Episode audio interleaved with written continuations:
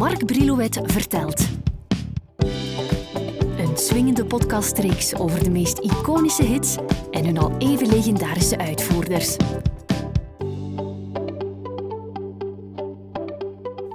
We keren deze keer terug naar het gezegende jaar 1965. De Beatles scoren in de zomer met Ticket to Ride, Petula Clark met Downtown, The Birds met Mr. Tambourine Man. En in Frankrijk is men helemaal in de ban van Aline van Christophe, die tussen dat jaar en 69 met succes vijf singles opneemt en de lieveling wordt van vele meisjes. Ik denk niet dat je echt vertrouwd bent met het verhaal dat bij Aline hoort, want er werd daar rond door de jaren heen nogal wat verzonnen. Dus ik, samen met jou, op zoek naar de waarheid. Vooraf Christophe toch even aan jou voorstellen. Hij heette eigenlijk Daniel Bivalacqua. Langs de oevers van de Seine geboren, zo'n goede 20 kilometer van Parijs. Zijn vader was handelaar in centrale verwarming en zijn moeder naaister. Thuis klonk er vaak muziek, van onder andere Gilbert Bécaud en Edith Piaf, al ging de voorkeur van Christophe al maar uit naar de blues van onder meer John Lee Hooker. Hij ontdekte ook de muziek van Elvis Presley en diens companen op het Sun-label en maakte in uh, sterk contrast daarmee gelijktijdig kennis met de muziek van Georges Brassens. Een medaille die hij van zijn oma had gekregen, met erop de beeldenis van de heilige Christoffel, deed hem beslissen als artiestennaam te kiezen voor Christophe. Omdat hij kostte wat het kost muziek wou maken, richtte hij in 1961 de groep Danny et les Hooligans op. Twee jaar later koos hij voor een solo-carrière en nam zijn eerste plaatje op, Reviens Sophie. Elle s'appelait Sophie, je l'aimais pour la vie. Les filles de l'été ne reviennent jamais. Ouais, reviens. Tijdens mijn ontmoeting bij de VRT in Brussel wist Christophe me levendig te vertellen hoe hij Aline schreef. Zijn oma had hem op zekere dag uitgenodigd voor het ontbijt. We zijn dan 1964. Hij had uit gewoonte zijn gitaar meegenomen. Oma had er helemaal geen erg in dat hij op die gitaar een liedje zat te tokkelen dat het jaar nadien zijn grootste hit zal worden. Christophe was op dat moment, zoals ik daarnet al zei, nogal in de ban van de Amerikaanse blues. Hij wou iets in die stijl schrijven met tussendoor een opvallende schreeuw, een echte yell. Denk aan het fragment in het liedje, hè, Aline, Je veux crier, crier. Ik zal het je even laten horen. Et j'ai crié, crié, Aline, pour qu'elle revienne. Et j'ai pleuré, pleuré, oh j'avais trop de peine. Hij had nog helemaal geen idee wat de titel zou worden, laat staan dat hij het liedje Aline zou noemen. Hij had het nummer kan en klaar in nog geen half uur tijd. Maar het liedje vraagt om nog wat meer uitleg. Christophe was namelijk op dat moment verliefd op zijn blonde Poolse vriendin Aline Natanovic.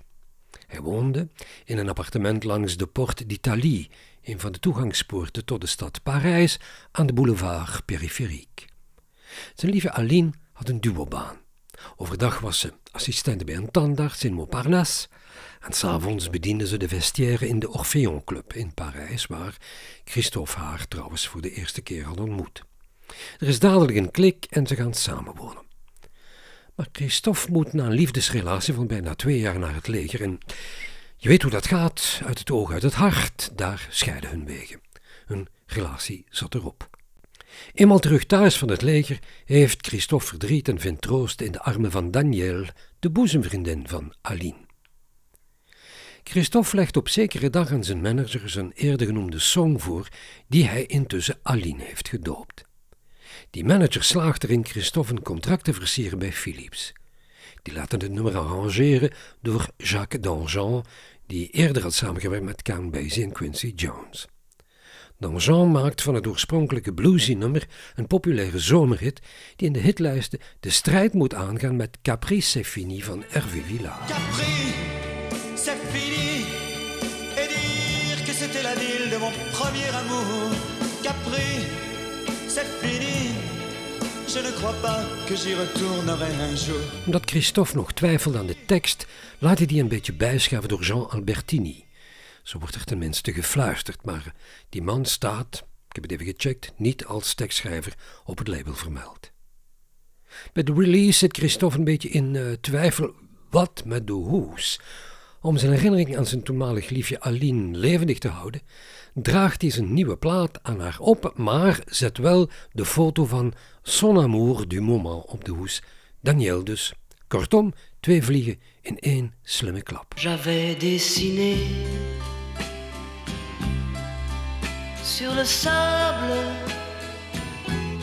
son doux visage qui me souriait. Puis il a plu sur cette plage, dans cet orage, elle a disparu. In Frankrijk verschijnt een nummer op een EP'tje. Dat is een single met vier songs. Welke dat zijn, kijk, dat zie ik meteen, want ik heb hier de originele persing bij de hand. Naast Aline noteren we ook nog Je t'ai retrouvé, La Fille aux yeux bleus van de hand van zijn producer Albertini en zijn orkestleider Monsieur Dangean en het door Christophe geschreven Je ne t'aime plus, non, non, je ne t'aime plus. Oui, j'ai dit oui, mais laisse-moi tranquille. Aline staat na release binnen de kortste keren op 1 in de Franse hitlijsten en wordt eveneens nummer 1 in België, Israël, Turkije, Brazilië en Spanje.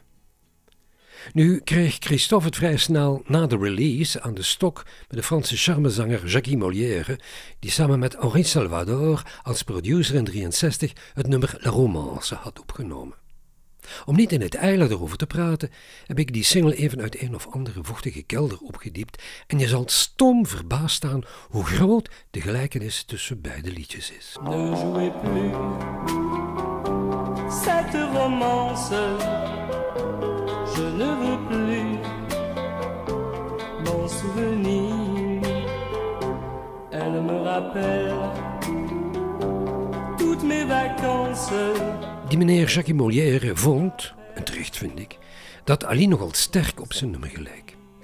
Christophe en zijn manager stellen daarom voor bij de volgende persing de naam van Molière als co-auteur te vermelden, om op die manier een deel van de auteursrechten te innen. Maar Henri Salvador is het daar niet mee eens. Gaat dwars liggen en stapt naar de rechtbank. In eerste aanleg wordt Christophe veroordeeld en moet hij een deel van zijn inkomsten afstaan. Maar hij gaat in beroep en haalt eind 77 zijn slag thuis.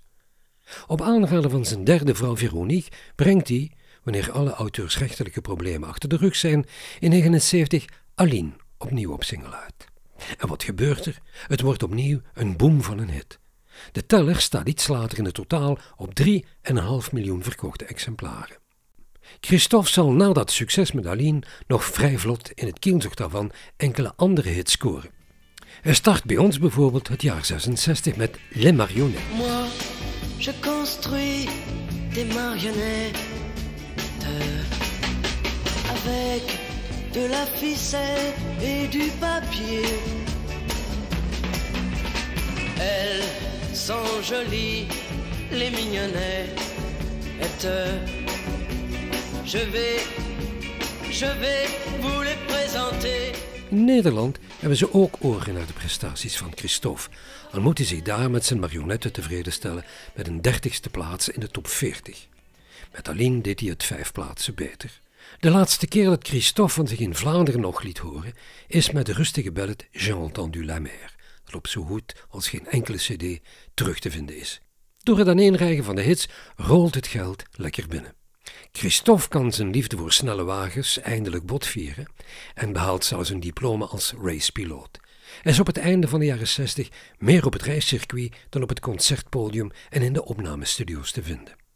Onderweg raakt hij ook nog eens zijn rijbewijs kwijt, wat nadien wel vaker zal gebeuren.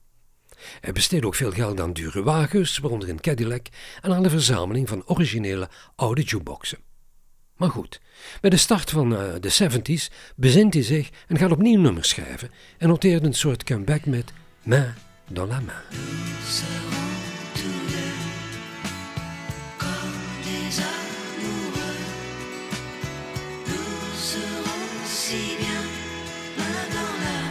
De carrière van Christophe kent tijdens de jaren die volgen zowel hoogtes als laagtes. Ook zijn liefdesleven kent ups en downs. Mag ik daarom in de start van deze bijdrage even vertellen dat Christophe in het midden van de jaren 60 een relatie had met de Franse zangeres Michel Thor. Ze krijgen samen een zoon, Romain, die door Christophe nooit als zijn kind erkend zal worden. Michel vertelde jaren later in een interview dat hun zoon verwekt werd tijdens een reis in Sevilla. Iets later, in 68, leert Christophe Véronique Caen kennen. Hij trouwt met haar drie jaar later en ze krijgen een dochter Lucie.